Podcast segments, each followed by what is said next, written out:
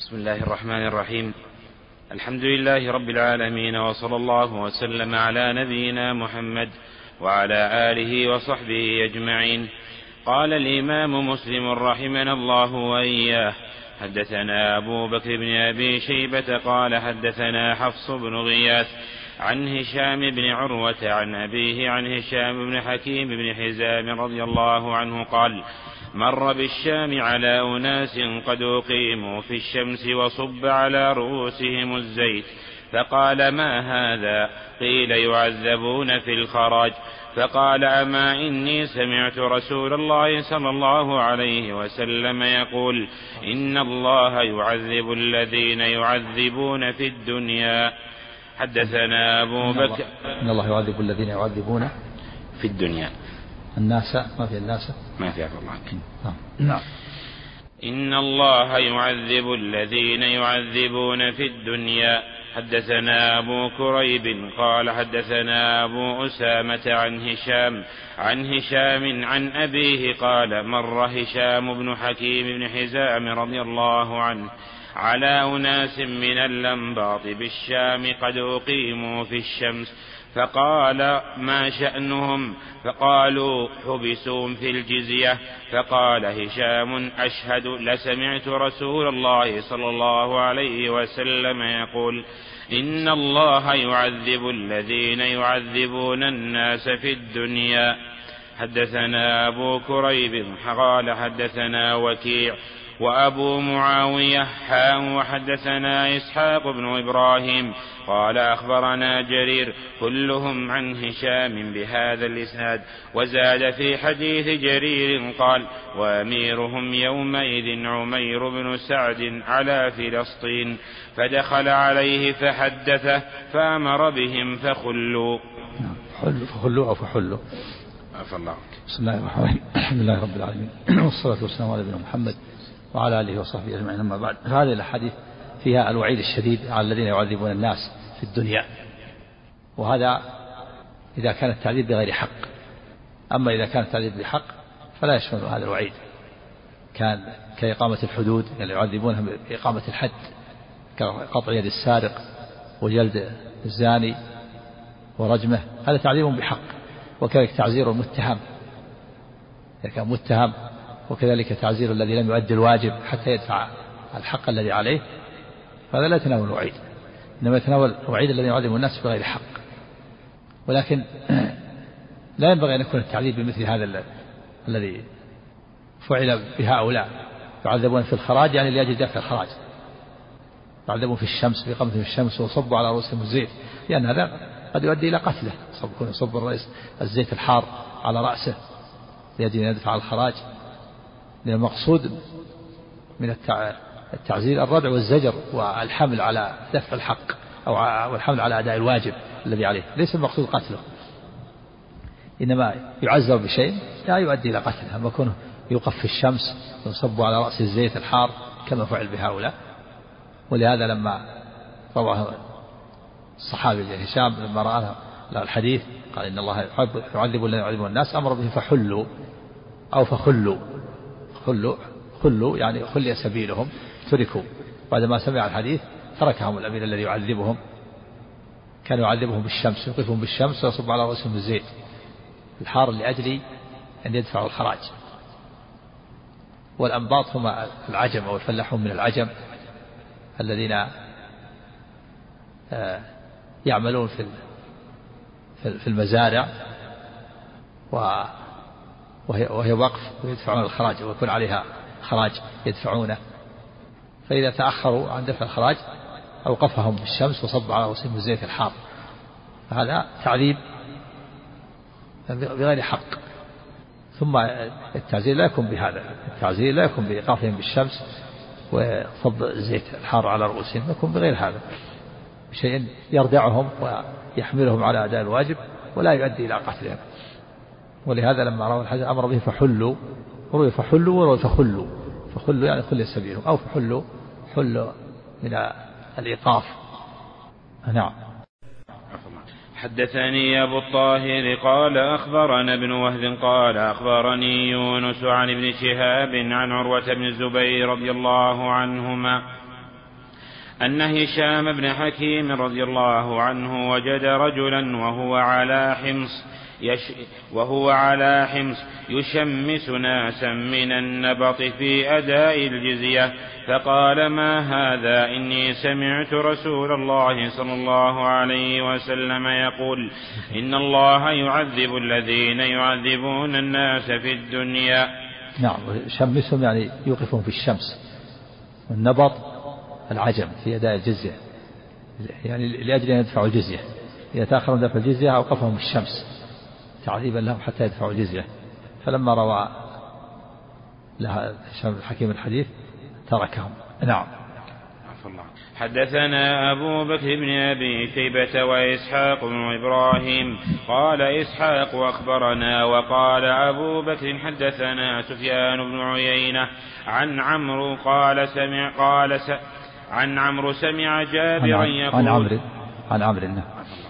عن عمرو سمع جابرا يقول مر رجل في المسجد بسهام فقال له رسول الله فقال له رسول الله صلى الله عليه وسلم أمسك بنصالها حدثنا يحيى بن يحيى وأبو الربيع قال أبو الربيع حدثنا وقال يحيى واللفظ له اخبرنا حماد بن زيد عن عمرو بن عن عمرو بن دينار عن جابر بن عبد الله رضي الله عنهما أن رجلا مر بأسهم في المسجد قد أبدى قد أبدى قد أبدى نصولها فأمر قد أبدى نصولها.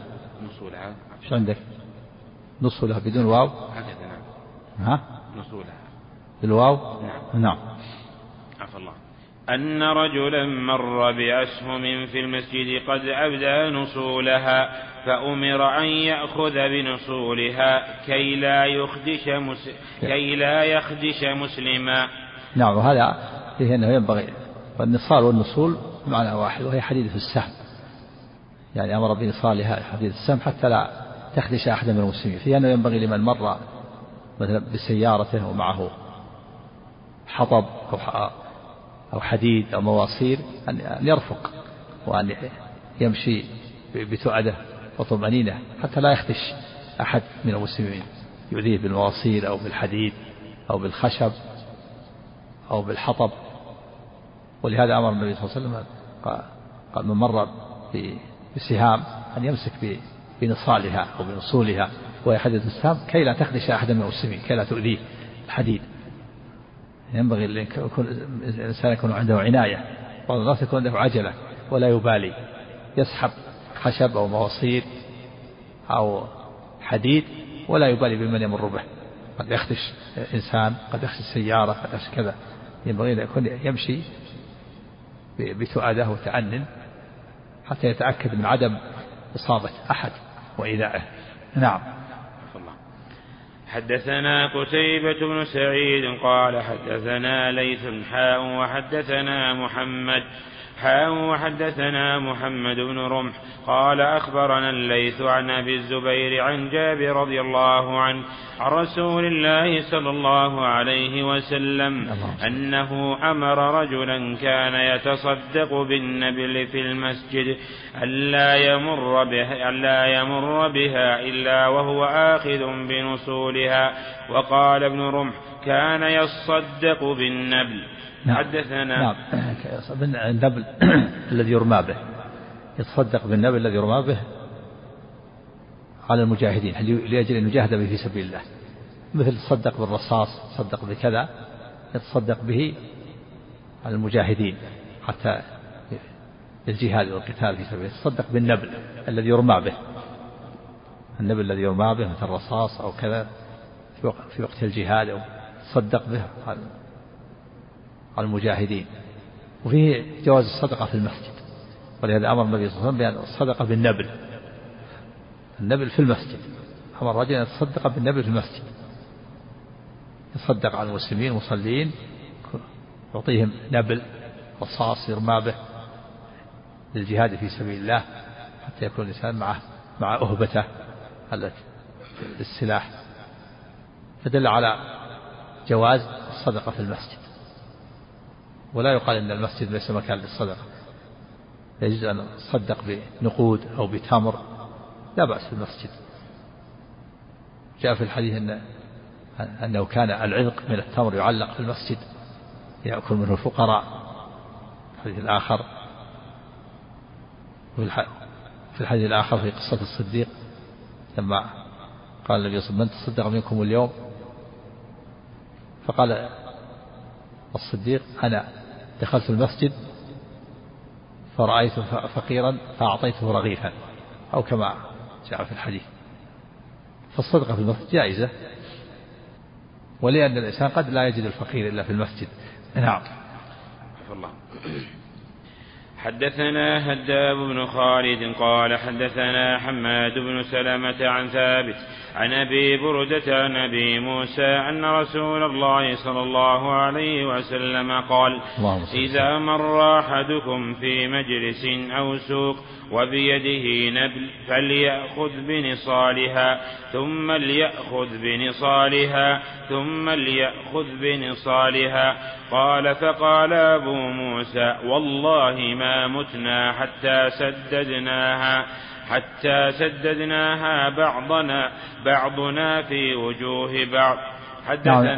نعم يعني تكرار يأخذ بنصالها ويأخذ بنصالها تكرار للتأكيد. قال موسى والله ما متنا حتى سددنا في وجوه بعضنا يشير إلى الخلاف والقتال الذي وقع بين الصحابة. يعني ما مثل حتى صار بعضنا يقاتل بعضا سر الخلاف والقتال الذي وقع بين الصحابة والسداد هو القصد. القصد والاستقامة. نعم. الله. يعني حتى أقمناها ووجهناها وجهناها إلى بعضنا صار بعضنا يقاتل بعضا. ما حصل بين كثير من الصحابة نعم. حدثنا عبد الله بن براد الأشعري ومحمد بن العلاء واللفظ لعبد الله قال حدثنا أبو أسامة عن بريد عن أبي بردة عن أبي موسى عن النبي صلى الله عليه وسلم قال إذا مر أحدكم في مسجدنا أو في سوقنا ومعه نبل فليمسك على نصالها بكفه أن يصيب أحدا من المسلمين منها بشيء أو قال ليقبض على نصالها أن يصيب يعني يعني خشية أن يصيب أو لئلا يصيب. نعم.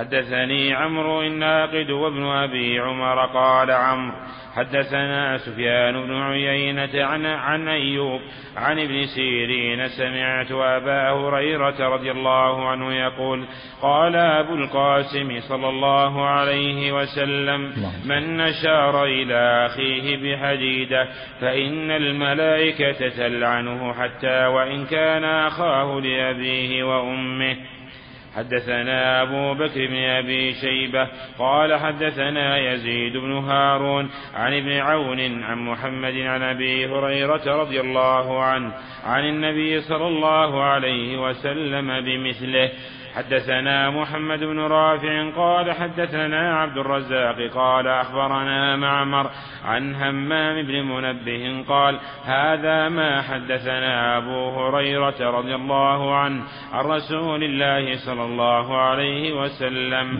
فذكر أحاديث منها وقال رسول الله صلى الله عليه وسلم لا يشير أحدكم إلى أخيه بالسلاح فإنه لا يدري أحدكم لعل الشيطان لعل الشيطان ينزع في يده فيقع في حفرة من النار.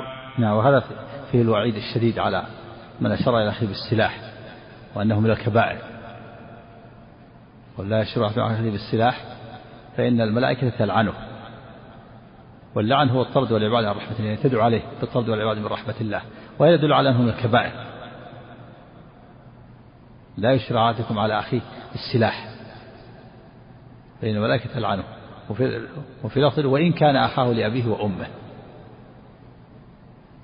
فلا يجوز الإنسان أن يلعب بالسلاح. وأن يشير على أخيه بالسلاح. لا هازل ولا ولا لاعبا. مثل ما يفعل بعض الناس.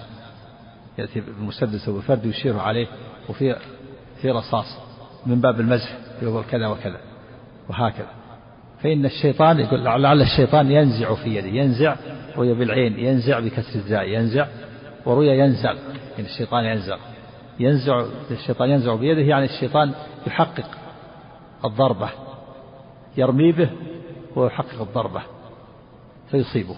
أو ينزغ بالغين وفتح الزاي أي من باب الإغراء أن يعني الشيطان يغريه ويحثه على على الضرب ويزين له. وهذا واقع. وقل وإن كان أخاه لأبيه وأمه يعني وإن كان ولو كان هذا الذي يشير إليه غير متهم بقتله لكونه أخاه لأبيه وأمه لعموم النهي. لأمرين. الأمر الأول أن ترويع المسلم حرام. والثاني أنه ما أشار إليه في الحديث أن الشيطان قد ينزع في يده. ينزع يعني يحقق. الضربة يعني يرى الشيطان هو في يده السلاح والشيطان يربي به ويحقق الضربة فتصيب أو ينزغ يعني يغريه ينزغ بالغين يعني باب الإغراء يعني يغريه ويزين له الضربة فتقع الكارثة وهذا واقع. تجد بعض الناس يشير عليهم بالسلاح يلعبون يمزح بالسلاح أو يلحقهم يلحق واحد أو جماعة يلحقهم بالفرد بالسلاح كذا. من باب المزح. وتجده يهمز فتجد الشيطان ينزل في يده فيهمز فيصيبه. وكذلك بعض الناس يلعب بالسيارة يلحقه بالسيارة ليدهسه يمزح. هذا قد الشيطان قد يزرع في يده قد يضع يجعل على الفرامل فيخطئ ويضعها على المنزيل فيصيبه فيدهسه. هذا لا يجوز المزح في مثل هذا. السلاح ما في مزح. وإن كان أخاه قل وإن كان أخاه لأبيه وأمه يعني وإن كان غير متهم بقتله. ولو كان أخاه لأبيه الأمة لا تمزح ولا مع أخيك. لعموم النهي ولأن ترويع المسلم لا يجوز ولأن الشيطان قد يحقق الضربة. قد في يده الشيطان يده في يده. أو ينزغ من باب الإغراء أن الشيطان يغريه ويزين له. فالمقصود أن أن هذا من كبائر الذنوب. فإن الشيطان أخبر أن النبي صلى الله عليه وسلم أن من أشار إلى أخيه بالسلاح أن الملائكة تلعنه وإن كان المشار إليه أخاه لأبيه وأمه وإن كان غير متهم بقتله. نهي عام. ولا يجوز المزح مثل هذا. لا لاعبا لا يشرع على لا لاعبا ولا هازلا ولا جادا. لا يلعب بالسلاح ولا يلعب بالسيارة. من بعض الشباب تجري يلحق بعض أصحابه بالسيارة. وهو يميل عن يمين وشمال وهو يلحق هذا قد قد يدهس قد تخطئ رجله بدل الفرامل تكون بالمزيد فيدهس ويذهب والسلاح كذلك قد يحقق الشيطان الضربة أو يغريه فتخرج الرصاصة وتصيب. نعم الواجب الحذر. نعم. نعم. لا هو الأصل أنه خطأ لأنها من باب المزح. الأصل أنه خطأ. لكن المسألة القضية تحتاج إلى إلى ملابسات إلى تحقيق لابد يكون فيها المسألة فيها تحقيق من الدوافع ومن الأسباب. نعم. لأن هذه المسألة ترفع المحكمة وتنظر فيها المحكمة. نعم. نعم. فإن الملائكة تلعنه ها؟ إيش؟ حتى يدعه حتى يدع حتى يدع السلاح يعني يترك السلاح اللي في يده. وإن كان يعني المشار إليه أخاه لأبيه وأمه وإن كان غير متهم بقتله. النهي عام. لأن تروع المسلم محرم. نعم. هذا النص العبارة ليس موجود عندنا وإن كانت الآن غير قاتلة كالعصا الغليظة إيه. يعني ولو قد تقتل العصا هذا يكون شبه الخطأ. هو أن يضربه بعصا غير قاتلة أو يكرر الضرب بها نعم. عبارة حتى يدعه ليس موجودة عندنا نعم. لفظة حتى يدعه ليست موجودة عندنا إيه. بعض الروايات تكلم عليه الشارع قوله فإن الملائكة تلعنه حتى وإن كان هكذا في عامة النسخ وفيه محذوف وتقديره حتى يدعه. إيه. الشارح مشى على أنها ليست في المتن بين مقدرة. وكذا وقع في بعض النسخ. إيه. إيه. يقع في بعض النسخ الشارح اختار أنها أنها ليست موجودة. نعم. في الحديث السابق أن الله يعذب الذين يعذبون الناس في الدنيا. هل يدخل بذلك يا شيخ رحمه الله عنك بعض الجزاءات العسكرية الشاقة بهدف التقويم العسكري؟ لا المقصود إذا كان تعذيب إذا كان تعذيب بغير حق. بهذا القيد. تعذيب ويكون بغير حق. نعم. نعم. نعم. و... نعم. كل ما في خطأ كل ما كان في خطأ. نعم. كانت السيارة الآن كذلك مثله من مثل يلحق بالسيارة نعم. حدثنا يحيى بن يحيى قال قرأت على مالك عن سمي مولى أبي بكر عن أبي صالح عن أبي هريرة رضي الله عنه أن رسول الله صلى الله عليه وسلم قال بينما رجل يمشي بطريق وجد غصن شوك على الطريق فأخره فشكر الله له فشكر الله له فغفر له. حدثني زهير بن حرب قال حدثنا جرير عن سهل عن أبيه عن أبي هريرة رضي الله عنه قال قال رسول الله صلى الله عليه وسلم مر رجل بغصن شجرة على ظهر طريق فقال والله وقال والله لأنحين هذا عن المسلمين لا يؤذيهم فأدخل الجنة. حدثنا هذا فضل عظيم لمن أزال الأذى عن المسلمين وأنه من أسباب دخول الجنة. هذا الرجل أزال الشوك ووصل شوكة عن المسلمين فغفر الله له. هذا يدل على أن بعض الحسنات العظيمة قد تكون سبب في المغفرة في مغفرة الذنوب. ظاهر أن الله غفر لها الكبائر لأن الصغائر تكفر باجتناب الكبائر مثل قصة المرأة البغي من بني إسرائيل الذي كانت بغيا فسقت كلبا فغفر الله لها تلك الكبيرة. هذه حسنة قد تكون الحسنات العظيمة الكبيرة قد تمحى بها الكبائر. وفيه فضل إزالة الأذى عن المسلمين.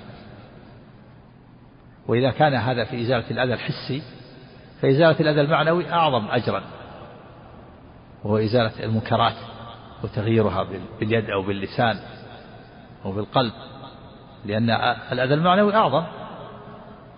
إذا كان في إزالة الأذى الحسي كان يزيل الأذى شوك غصن شوك زجاج حجر مسامير في الطريق يزيلها.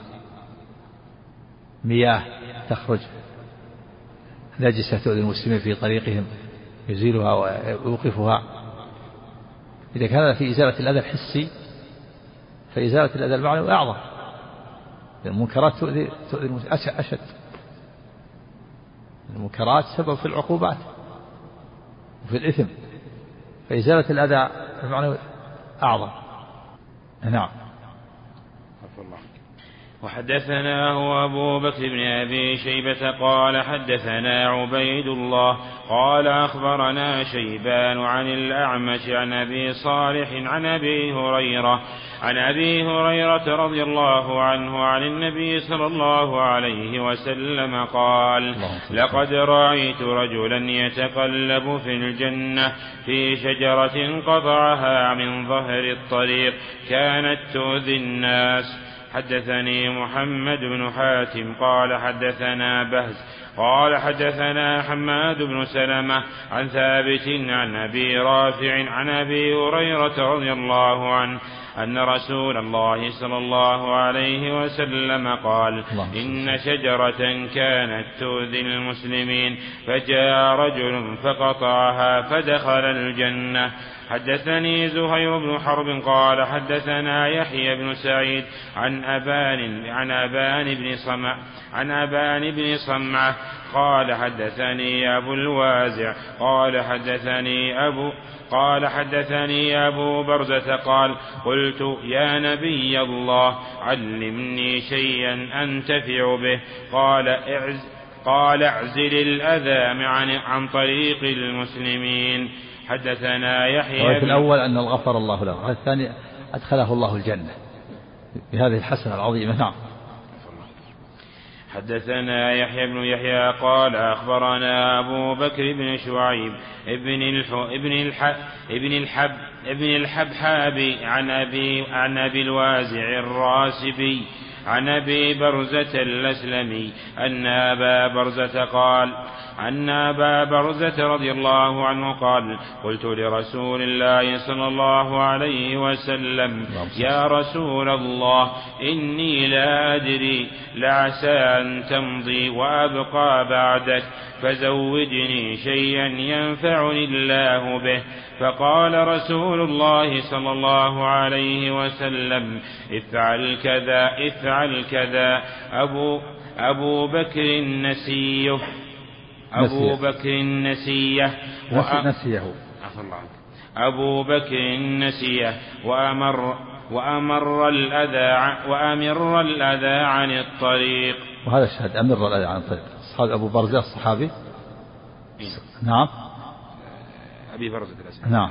أمر الأذى عن الطريق يعني أزله وفي لفظ أمز وفي الزاي ولا بالراء. أمز الأذى عن الطريق يعني أبعد. أمر نعم.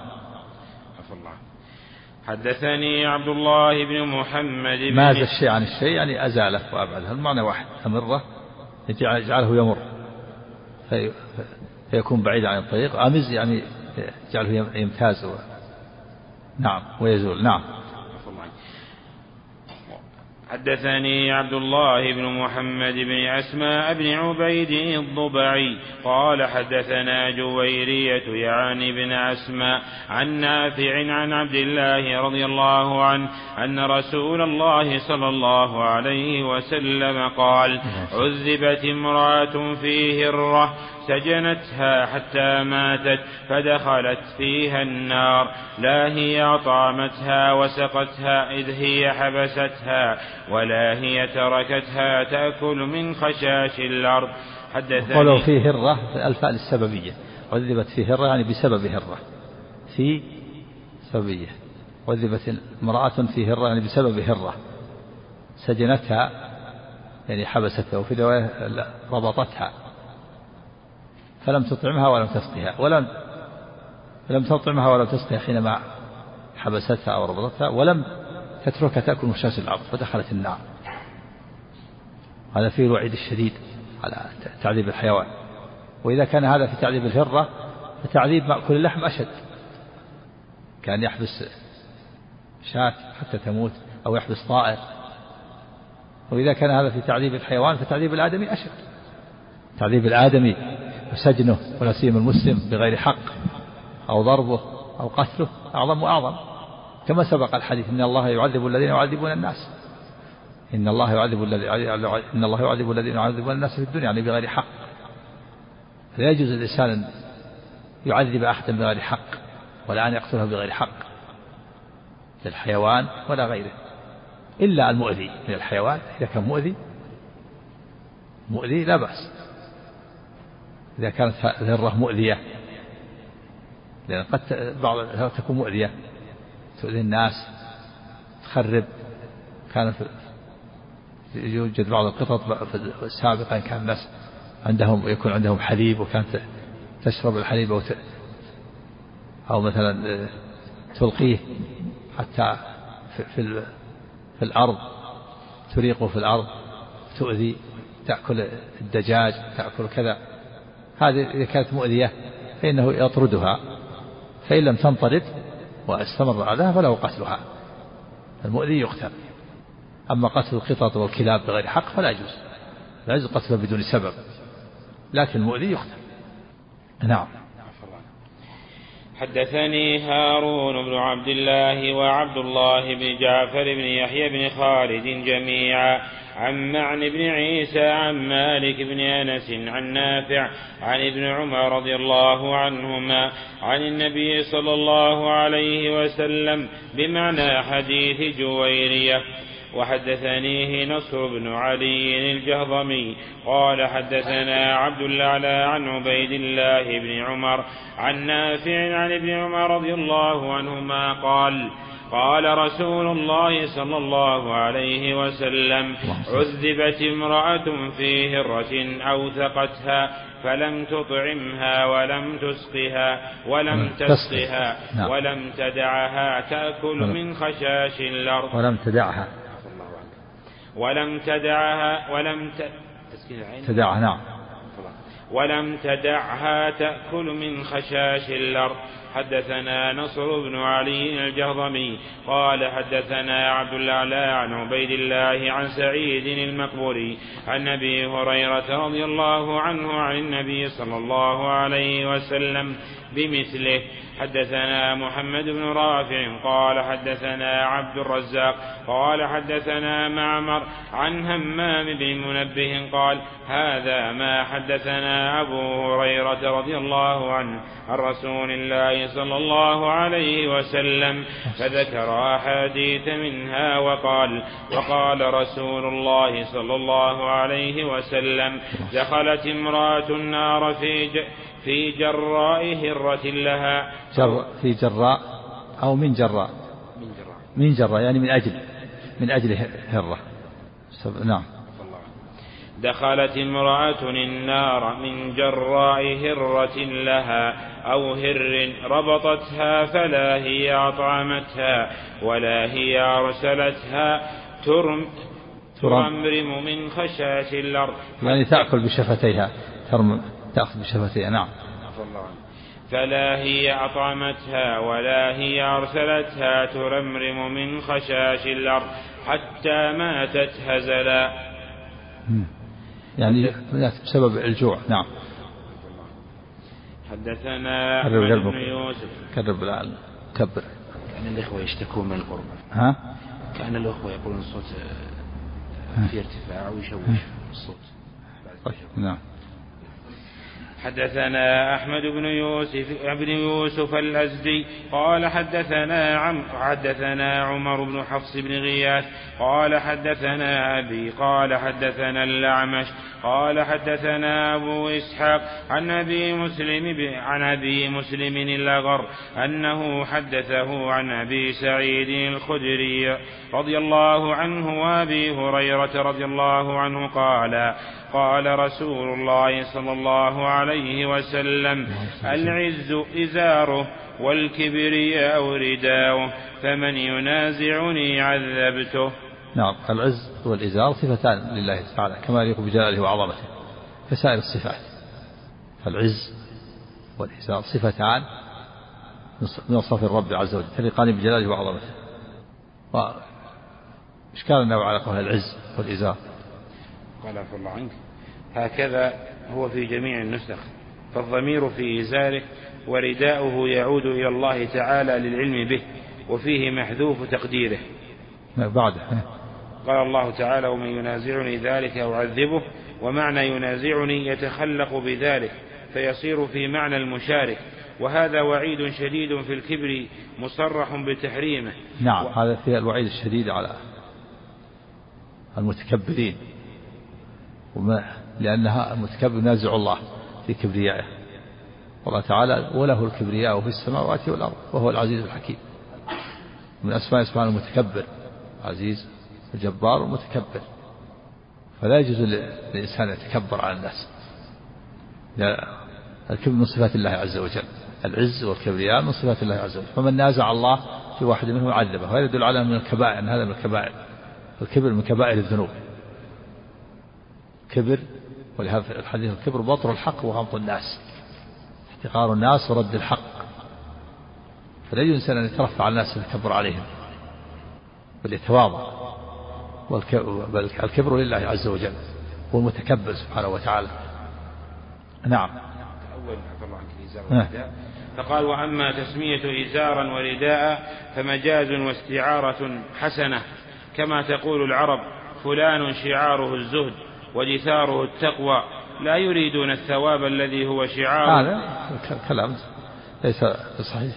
هذا تأويل لا وجه له. العز والكبرياء صفتان من صفات الله عز وجل. ليس هذا بالاستعارة.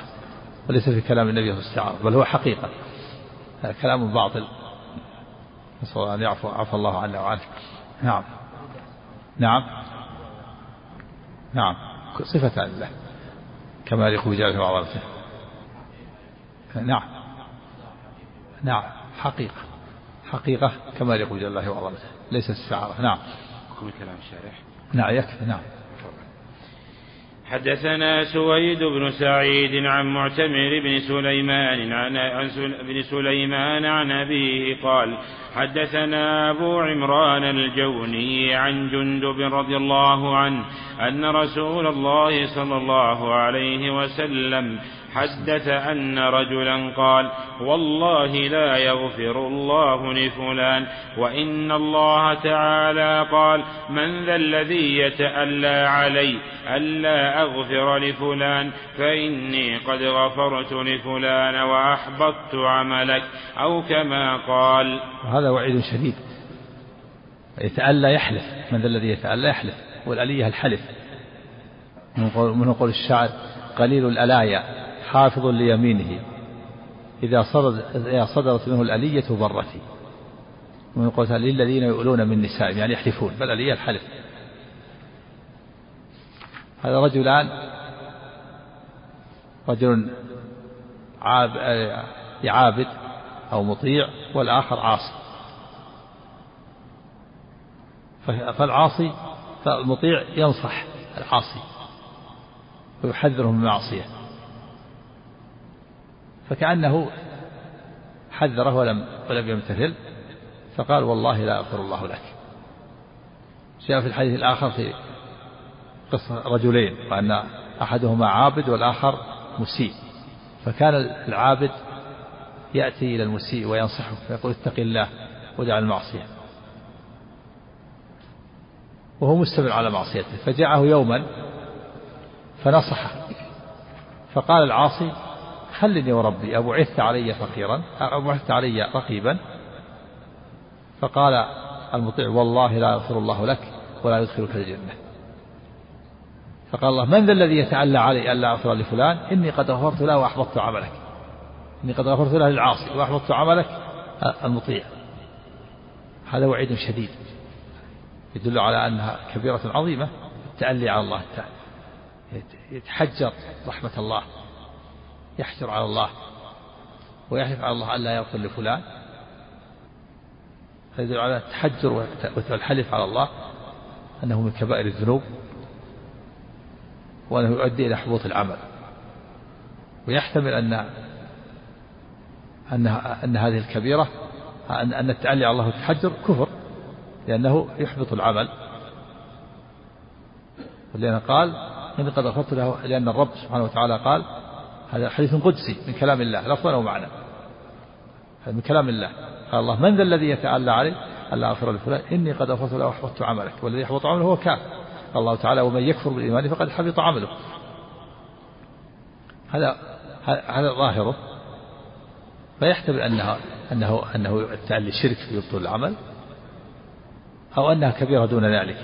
النووي رحمه الله تأول هذا قال إن هذا يحمل على أنه على أنه أسقط من الحسنات ما يقابل هذه الكبيرة أو أن هذا في شرع من قبلنا أو أن هذا الرجل فعل مكفرا آخر.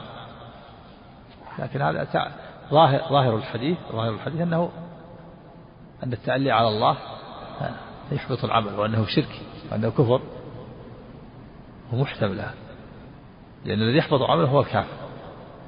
لأن هذا جرأة عظيمة على الرب سبحانه وتعالى. تحجر على الرب ومنع للرب من المغفرة للعاصي. وقول الرب سبحانه وتعالى للعاصي إني قد غفرت له دليل على أن المعاصي التي دون الشرك ولم يتب منها الإنسان تحت المشيئة. قد غفره الله وقد غفر الله أو قد لا يغفر الله. كما قال الله تعالى إن الله لا يغفر الشرك به ويغفر ما دون ذلك لمن يشاء. وفي الرد على المعتزلة والخوارج. الذين يقولون إن كبيرة يكفر بها الإنسان ويخلد بها في النار. الحديث فيها الرب أخبر أنه يغفرها له. فالواجب الحذر من التألي والتحجر على الله. كل إنسان يتحجر على الله. نعم ويمنع يمنع الرب من أن يغفر. نعم. حدثني سويد بن سعيد. نعم. وهذا الرجل من باب الغيرة. هذا الغيرة في حدود الشرع الغيرة تؤدي إلى الكفر. بالله. نعم, نعم. حدثني هذا الرجل محسن. هذا عابد من باب الغيرة. حملته الغيرة على على الخروج إلى الوقوع في هذه الجريمة العظيمة. نعم. حدثني سويد بن سعيد قال حدثني حفص بن ميسرة عن العلاء بن عبد الرحمن عن أبيه عن أبي هريرة رضي الله عنه أن رسول الله صلى الله عليه وسلم قال رب أشعث مدفوع بالأبواب لو أقسم على الله لا بره أشعث يعني متشعث الرأس غير مرجل الرأس غير مسرح أغبر مغبر مدفوع بالأبواب يعني لا يؤبه له ليس له مكانة في المجتمع. ليس من أصحاب الأموال وليس من أصحاب الوظائف وليس من المعروفين من رؤساء القبائل. شخص لا يؤبه له. لا ليس له مكانة في المجتمع لكن له منزلة عند الله بسبب عمله الصالح. استقامته على طاعة الله وأدائه الواجبات وتركه المحرمات. رب أشعث متشعث الرأس غير متنعم وغير مترفه لا يسرح شعره ولا يكده ولا يدهنه. أغبر مغبر. قد تكون ثيابه أيضا مرقعة وغير نظيفة مدفوع بالأبواب. يعني لو جاء لأحد لأبواب الملوك أو أبواب الوجهاء أو باب الأمراء أو باب الأغنياء يدفعونه بالأبواب لكونه غير معروف ما هو معروف. ولكون هيئته تدل على أنه فقير. فلو جاء عند أبوابهم لدفعوه ولم ينظروا إليه. لو جاء يسأل حاجة يشفع ولا دفعوه ولا يبالون به لأنه غير غير معروف. غير معروف بالغنى غير معروف المال غير معروف بالوجاهة لكن له منزلة عند الله فلو أقسم على الله لا بره ورب تأتي للتقليد تأتي للتكرير رب أشعث. يعني قد قد يكون بعض الناس أشعث وأغبر ومدفوع بالأبواب ليس له مكان عند الله لكن منزلة عند الله. بحيث لو أقسم على الله لا بر الله قسمه. يعني لو حلف على الله. مثال ذلك الإقسام على الله. كان يقول والله يا رب ليهزمن أهل الجيش للعدو فالله تعالى يحقق طلبه ويكرمه بإيقاع ما حلف على إيقاعه فيهزم هذا الجيش. أو يقول والله يا رب لينصرن هذا الجيش من المسلمين على عدوهم. فيبر الله قسمه ويحقق ما حلف على إيقاعه. فينصر الله هذا الجيش من المسلمين أو يهزم الله هذا الجيش من العدو. وكان سعد بن أبي وقاص استجاب الدعوة رضي الله عنه. وكان يدعو على الجيوش جيوش كسرى وقيصر. يقسم على الله أن تهزم هذه الجيوش. فتهزم. البراء وكذلك البراء بن معرور وجماعة كانوا يقسمون على الله. كان يقال لهم وقال لسعد بن وقاص أقسم على ربك إذا التقى الصفان. ومن أمثلة ذلك أيضا قصة الربيع أخت أنس بن نضر فإنها كسرت ثنية جارية متعمدة ثنية جارية يعني بنت كسرتها فطلب أهلها القصاص فأمر النبي صلى الله عليه وسلم بأن تكسر ثنية الربيع. لأنها اعتدت وكسرت ثنية جارية فجاء أهلها يطالبون بالقصاص فأمر النبي بالقصاص. فجاء أخوها أنس أخو الربيع إلى النبي صلى الله عليه وسلم فقال يا رسول الله أتكسر ثنية الربيع؟ قال نعم يا أنس كتاب الله القصاص. فقال رسول والله لا تكسر ثنيتها.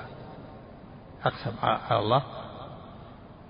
فأبر الله قسمه فعفى جاء أهله وعفوا قالوا سمحنا عن القصاص. فقال النبي صلى الله عليه وسلم إن من عباد الله فلو أقسم على الله لا بره ومن أمثلة ذلك أيضا شيخ الإسلام ابن تيمية رحمه الله في بعض الغزوات التي بين المسلمين وبين التتار. لما جاء, جاء أعد الجيش جيش المسلمين ليلتقي بجيش الكفار ومعهم عدد من الرافضة. فقال الشيخ أخرجوا الرافضة من جيش المسلمين. والله لتنصرن قالوا كيف نخرج؟ الرافضة كثير عدد كثير. ثلث الجيش أو ثلث الجيش. قال أخرجوهم والله لتنصرن فقالوا قل إن شاء الله. فقال أقولها تحقيقا لا تعليقا. فأخرجوا الرافضة فنصر الله المسلمين. الرافضة شر الآخرة أعداء المسلمين. لكن هم تسلمون الإسلام هم زنادقة. منافقون زنادقة نسأل الله السلامة والعافية. طيب بقي الفرق بين التألي والإقسام على الله. الحديث الأول فيه التألي التألي على الله كبيرة من كبائر الذنوب. والإقسام على الله هذا من من صفات عباد الله. الفرق بينهما أن المتألي على الله متحجر متحجر على الله. مانع يتحجر على الله رحمته وجوده وإحسانه وكرمه. وهو مسيء للظن بالله متشائم قانط. ولهذا يتحجر على الرب أن يرحم العاصي وأن يغفر له. فهو متحجر على الله جوده وكرمه وإحسانه. مسيء للظن بالله متشائم. قانط. أما أما المقسم على الله فإنه محسن للظن بالله طامع في كرمه وجوده وبره متعبد لله بذلك. والإنسان مأمور بحسن الظن بالله ومنهي عن سوء الظن بالله. منهي عن سوء الظن بالله. كما في الطيرة. الطيرة والفأل.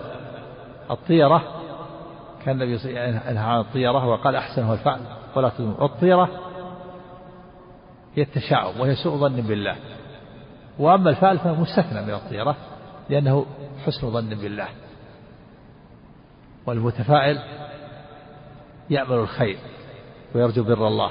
فاستثنى الفعل من الطيرة. فالطيرة التشاؤم بالطيور أو بغيرها وبالأمكنة الطيرة شرك لأنها سوء ظن بالله. لكن قال النبي أحسنها الفعل استثنى منها الفعل. والفعل كان يسمع المريض شخص يقول الطيرة كان النبي وسلم عن الطيرة وقال أحسنها الفعل. ولا تظلم. والطيرة هي التشاؤم وهي سوء ظن بالله. وأما الفعل فهو مستثنى من الطيرة لأنه حسن ظن بالله. والمتفائل يأمل الخير ويرجو بر الله.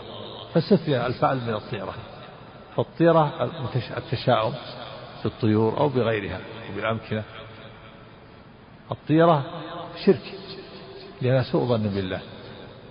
لكن قال النبي أحسنها الفعل استثنى منها الفعل. والفعل كان يسمع المريض شخص يقول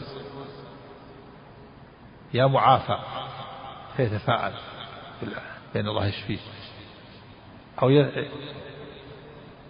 يسمع إنسان كلمة آه، إنسان ضاع له شيء له ضائع يبحث عن مفقود له فسمع شخص يقول يا واجد فيتفاعل بأن يجد ضاله أو يسمع مريضا يا سالم فيتفاعل بالسلامة. هذا الفعل مستثنى من الطيرة. والفرق بين أن الطيرة فيها سوء ظن بالله وهي من الشرك وأما الفعل فهو حسن ظن بالله وفي تأمير للخير فاستثنيت. فالفرق بين الإقسام على الله وسعى الله مثل الفرق بين الفعل والطيرة. الطيرة منهي عنها لأنها سوء ظن بالله وتشاؤم وقنوط. والفعل مستثنى لأنه في حسن في حسن ظن بالله وتأمير للخير. كذلك التألي على الله في تحجر على الله رحمته وجوده وبره. وفيه سوء ظن بالله. وفيه تشاؤم وقنوط. من أن يغفر الله لفلان. وأما المتألي المقسم على الله فهذا محسن للظن بالله.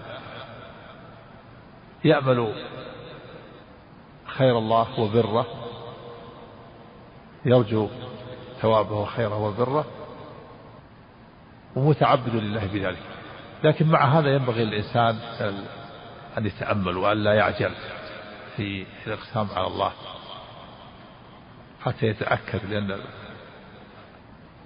لأن الأمر في خطر لما يخشى من الخطر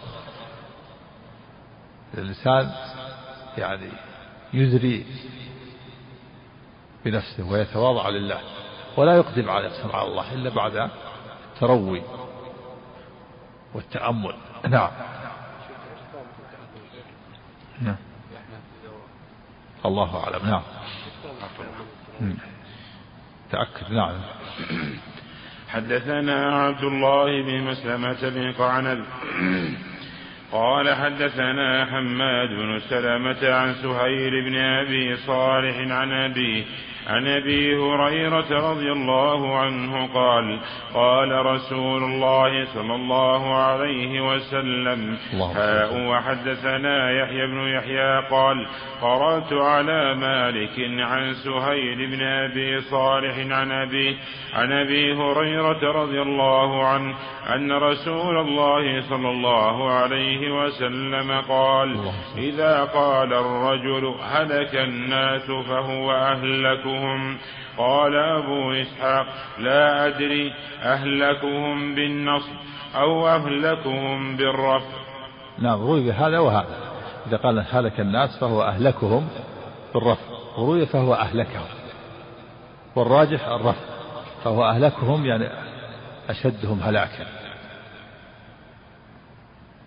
بالرفع إذا قال إذا قال رجل هلك الناس فهو أهلكهم برفع يعني يشدهم هلاكا. أو بالنصب هو معنى بالنصب إذا قال الناس إذا قال الرجل هلك الناس فهو أهلكهم يعني أهلكهم بهذا القول. أهلكهم بهذا القول لا أنهم هلكوا على الحقيقة. يعني هو أهلكهم بهذا القول بقوله هلك الناس. لا أنهم هلكوا على الحقيقة. اختلف في المعنى. فقيل المعنى أنه إذا قال هذا هلك الناس على وجه الازدراء للناس واحتقارهم وعلى وجه العجب بنفسه وأنه فوق الناس ويرى أنه فوق الناس ويعجب بنفسه وأن الناس هم الهالكون وهو الناجي. أما إذا قال على وجه الإزراء على نفسه والناس وعن وعلى وجه التحزن على حاله وحال الناس. فهذا هذا قال بعضهم هكذا وقيل المعنى أنه أنه آه، فهو أهلكهم لأن لما فيه من احتقار الناس وازدرائهم ولما يفضي و فيأثم عيب الناس وتنقصهم ويفضي به إلى العجب. ولا ينبغي الإنسان أن يقول هلك الناس هلك الناس. بل ينبغي أن يقول كثر هلك الناس أو هلك كثير من الناس. كما قال النبي صلى الله عليه وسلم لما سئل عنه أنهلكوا فينا الصالحون؟ قال نعم إذا كثر الخبث كثر الخبث. وكما في قوله تعالى ولكن أكثر الناس لا يؤمنون ولكن أكثر الناس لا يشكرون. وإن تطع أكثر من في الأرض يضلك عن سبيل الله أكثر. فالأكثر هالكون وليس كل الناس هالكون. بل بل تبقى طائفة على الحق كما في الحديث لا تزال طائفة من أمتي على الحق منصورة لا يضرهم من خذلهم ولا من خالفهم حتى يأتي أمر الله. إذا تبقى طائفة ناجية ليست هالكة. هم السنة والجماعة أهل الحق. فلا يقال أن هلك الناس كلهم. إيش قال الشارع عليه؟ قوله قوله فهو هلكهم قال عفى الله عنك ومعناه أشدهم هلاكا وأما رواية الفتح فمعناها هو جعلهم هالكين لأنهم هلكوا في الحقيقة. لا, لا أنهم هلك لا أنهم هلكوا في الحقيقة. وجعلهم هالكين لا أنهم هلكوا في الحقيقة. فمعناها هو جعلهم هالكين. لا أنهم هلكوا في الحقيقة. هو أنه هو أنه جعله هو إيش؟ قال عفى الله عنك. ومعناها أشدهم هلاكا. وأما رواية الفتح فمعناها هو جعلهم هالكين. هو جعلهم. هو جعلهم. نعم. هو جعلهم هالكين. لا أنهم هلكوا في الحقيقة. هو هو اللي يقول أنهم هلكوا. في الحقيقة ما هلكوا. هو الذي جعلهم هالكين. نعم. لا. واتفق العلماء على أن هذا الذم إنما هو في من قاله على سبيل الإزراء على الناس واحتقارهم وتفضيل نفسه عليهم وتقبيح أحوالهم لأنه لا يعلم سر الله في خلقه. قالوا فأما من قال ذلك تحزنا لما يرى في نفسه وفي الناس من النقص في أمر الدين فلا بأس عليه. كما قال لا أعرف من أمة النبي صلى الله عليه وسلم إلا أنهم يصلون جميعا هكذا فسره الإمام مالك وتابعه الناس عليه. وقال الخطابي معناه لا يزال الرجل يعيب الناس ويذكر مساويهم ويقول فس... يذكر مساويهم. عفى الله عنك.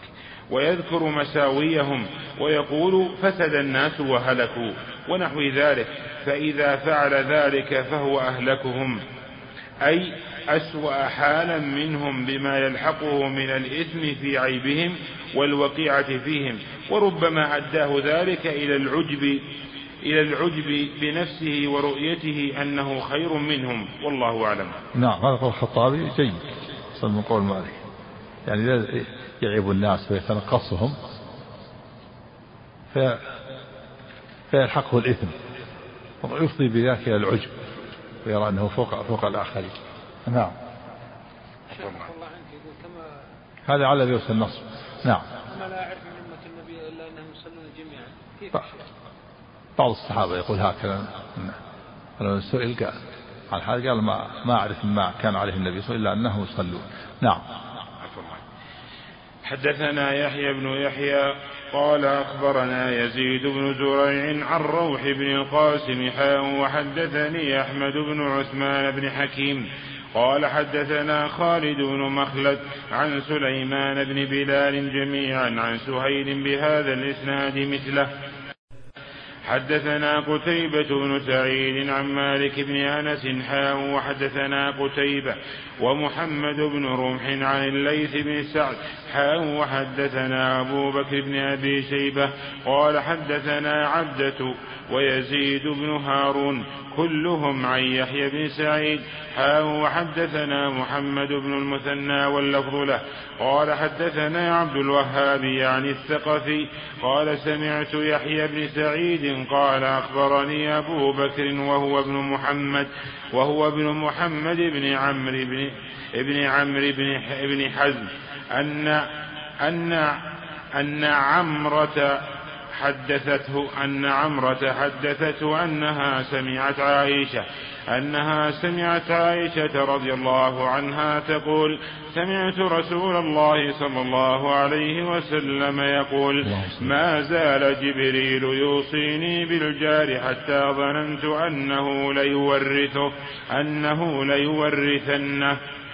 حدثني عمرو الناقد قال حدثنا عبد العزيز بن أبي حازم قال حدثني هشام بن عروة عن ابيه عن عائشة رضي الله عنها عن النبي صلى الله عليه وسلم بمثله.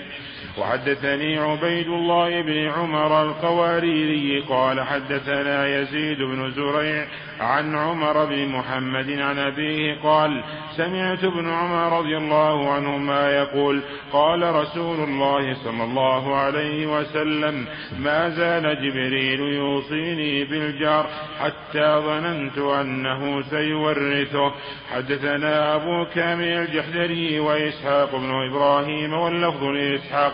قال أبو كامل حدثنا وقال إسحاق أخبرنا عبد العزيز بن عبد الصمد العمي. قال حدثنا أبو عمران الجوني عن عبد الله بن الصامت عن أبي ذر رضي الله عنه قال قال رسول الله صلى الله عليه وسلم يا أبا ذر إذا طبخت مرقة فأكثر ماءها وتعاهد جيرانه. حدثنا أبو بكر بن أبي شيبة قال حدثنا قال حدثنا ابن إدريس قال أخبرنا شعبة حياه حدثنا أبو كريب قال حدثنا ابن إدريس قال أخبرنا شعبة عن عن أبي عمران الجوني عن أبي عمران الجوني عن عبد الله بن الصامت عن أبي ذر رضي الله عنه قال إن خليلي صلى الله عليه وسلم أوصاني إذا طبخت مرقا فأكثر ماءه ثم انظر أهل بيت من جيرانك فأصبهم منها بمعروف. وهذا في عظم حق الجار من عظمه أن أن جبريل كان يوصي النبي صلى الله عليه وسلم بالجار ويكفي الوصي حتى ظن أنه سيورثه ويجعله وارث من الورثة لعظم حقه في حديث أبي ذر أنه إذا طبخ مرقة يكثر ماءه ويتعهد الجيران يعني إذا كانوا محتاجين. كانوا محتاجين. أما إذا كانوا محتاجين فيتعهدون بما يناسبهم. في الوقت الفاكهة وما أشبه ذلك من الهدية التي تناسب. يقول ظهر خليلي كيف يقول أبو هريرة خليلي والنبي صلى الله عليه وسلم يقول لو كنت متخذا من أمتي خليلا لاتخذت أبا بكر خليلا ولكن صاحبكم خليل الله. كيف يقول أبو ذر أن خليل؟ والرسول يقول أنا خليل الله. ما ليس لي خليل من أحد. لو كنت أحد اتخذت أبا بكر. وأبو هريرة يقول خليلي. نعم. من جهة نعم. الخلة من جهة أبي ذر. أبو ذر هو الذي قال خليل. لكن النبي صلى الله عليه وسلم ما قال إن إن أبا هريرة خليل نعم. عفى الله. حدثني أبو غسان المسمعي قال حدثنا عثمان بن عمر قال حدثنا أبو عامر يعني يعني الخز يعني الخزاز عن أبي عمران الجوني عن عبد الله بن الصامت عن أبي ذر رضي الله عنه قال قال لي النبي صلى الله عليه وسلم لا تحقرن من المعروف شيئا ولو أن تلقى أخاك بوجه طلق طلق في ثلاث روايات. طلق وطلق وطليق. طلق بإسكان الله وطلق بكسر الله وطليق بالياء الله. يعني منبسط. وفي أن الإنسان ينبغي الإنسان أن لا يحقر من المعروف شيئا. ولو أقل شيء يكون الإنسان ينبسط الوجه إذا لقي أخاه يلقاه بوجه طليق يعني منبسط لا بوجه مكفهر معبس. جاء في في في حديث آخر عند أحمد وغيره تبسمك في وجه أخيك صدقة. يعني وهذا من المعروف ينبغي الإنسان يحقر المعروف. وفي الحديث الآخر إنكم لن تسعوا الناس بأموالكم ولكن تسعوهم بأخلاقكم. بسط الوجه. كل إنسان يبسط وجهه يسلم. يسأل عن حال أخيه هذا من حسن الخلق. هذا من المعروف.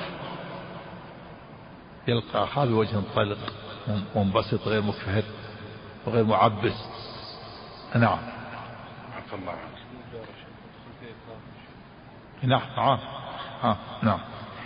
حدثنا أبو بكر بن أبي شيبة قال حدثنا علي بن مسهر وحفص مسهر. الله عنك.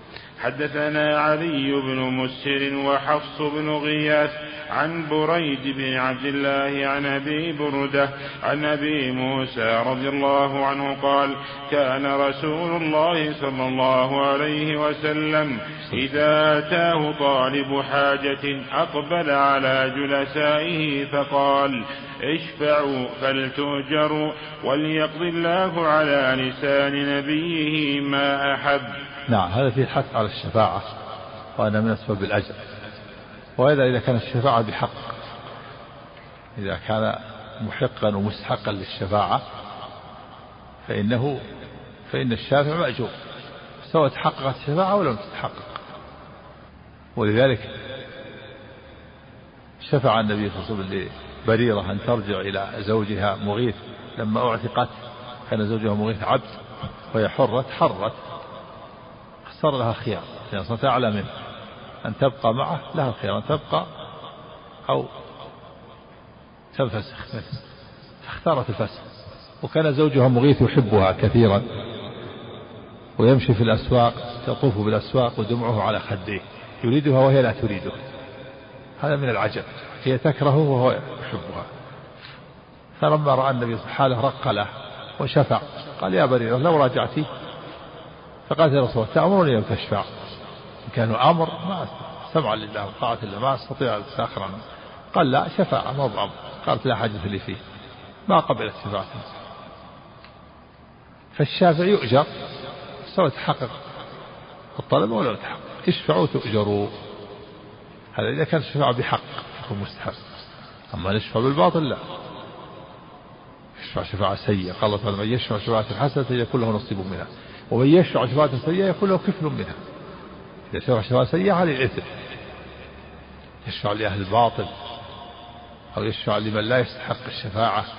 يشفع لشخص يولى في وظيفة هو غير أهل لها هذا شفاعة سيئة. هذا غش المسلمين. لا يشفع له. لابد تكون الشفاعة بحق. الشفاعة الحسنة نعم. أو يشفع لشخص يعطى من بيت المال وهو غني.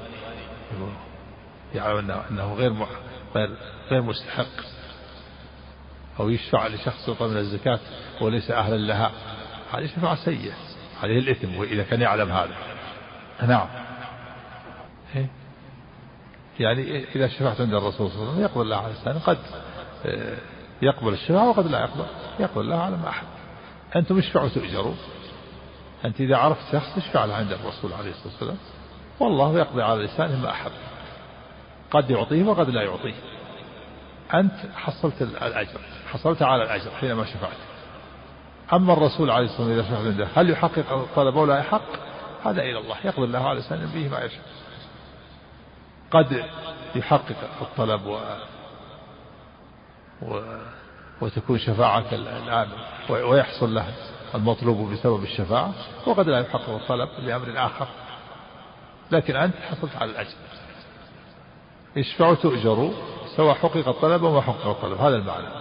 يقول الله على سن نبيه ما أحب موافقة الطلب ومخالفته نعم. لكن أنت مأجور إذا كان الشفاعة بحق. نعم. هذا في غير الحدود هذا في غير الحدود كان في غير الحدود أما الشفاعة في الحدود هذا حرام لا يجوز. الحدود والتعزيرات. كذلك إذا وصلت إلى الحاكم ما في شفاعة في الحديث الآخر إذا وصل إذا وصلت رفعت الحاكم فلعن الله الشافع والمشفوع له. نعم. هذا في غير الحدود. الحدود لا يشفع فيها. نعم. حدثنا أبو بكر بن أبي شيبة قال حدثنا سفيان بن عيينة عن بريد بن عبد الله عن جده عن أبي موسى رضي الله عنه عن النبي صلى الله عليه وسلم ها وحدثنا محمد بن العلاء الحمداني واللفظ له. قال حدثنا أبو أسامة عن بريد عن أبي بردة عن أبي موسى رضي الله عنه عن النبي صلى الله عليه وسلم قال إنما مثل الجليس الصالح والجليس السوء كحامل المسك ونافخ الكير فحامل فحامل المسك إما أن يحذيك وإما أن تبتاع منه إما أن يحذيك نعم. فحامل المسك إما أن يحذيك وإما أن تبتاع منه وإما أن تجد منه ريحا طيبة ونافخ الكير إما أن يحرق ثيابك وإما أن تجد ريحا خبيثة نعم. هذا فيه الحث على الجليس الصالح وجليس والتحذير من جليس السوء. جليس الصالح مثله كحامل المسك وجليس السوء كنافخ الكير. والكير وينفخ النار والفحم. فحامل المسك تستفيد منه على كل حال. إما أن تبتاع منه تشتري منه طيب وإما أن يعطيك وإما أن يعلق بك رائحة طيبة. فأنت مستفيد على كل حال. جالس الصالح إما أن يرغبك في الخير وإما أن يحذرك من الشر. فأنت مستفيد منه وجليس السوء متضرر منه على كل حال. كنافخ الكير نافخ الكير الذي ينفخ الفحم والنار وأنت بجواره. إما أن يحرق ثيابك وإما أن تجد منها ريحة كريهة رائحة كريهة رائحة الدخان والفحم تصفى بثيابك. وإما أن يتطاير شرار فيحرق ثيابك ويخرق ثيابك. فأنت متضرر على كل حال. كذلك جليس السوء. تتضرر منه. إما أن يزهدك في الخير أو يرغبك في الشر أو يحثك على الشر. فأنت متضرر منه على كل حال. فالواجب الحذر من جليس السوء والرغبة في الجليس الصالح. نعم. عفو الله عنك. حدثنا محمد بن عبد الله بن ابن قهزاد. قال قهزاد. حدثنا محمد بن عبد الله بن قزاد قال حدثنا سلمة بن سليمان قال أخبرنا عبد الله قال قال أخبرنا معمر عن ابن شهاب قال حدثني عبد الله بن أبي بكر بن حزم عن عروة عن عائشة رضي الله عنها وحدثني عبد الله بن عبد الرحمن بن بهرام وأبو بكر بن إسحاق واللفظ لهما قال. أخبرنا أبو اليمان قال أخبرنا شعيب عن الزهري قال حدثني عبد الله بن أبي بكر أن عروة بن الزبير أخبره أن عائشة زوج النبي صلى الله عليه وسلم قالت جاءتني امرأة. بركة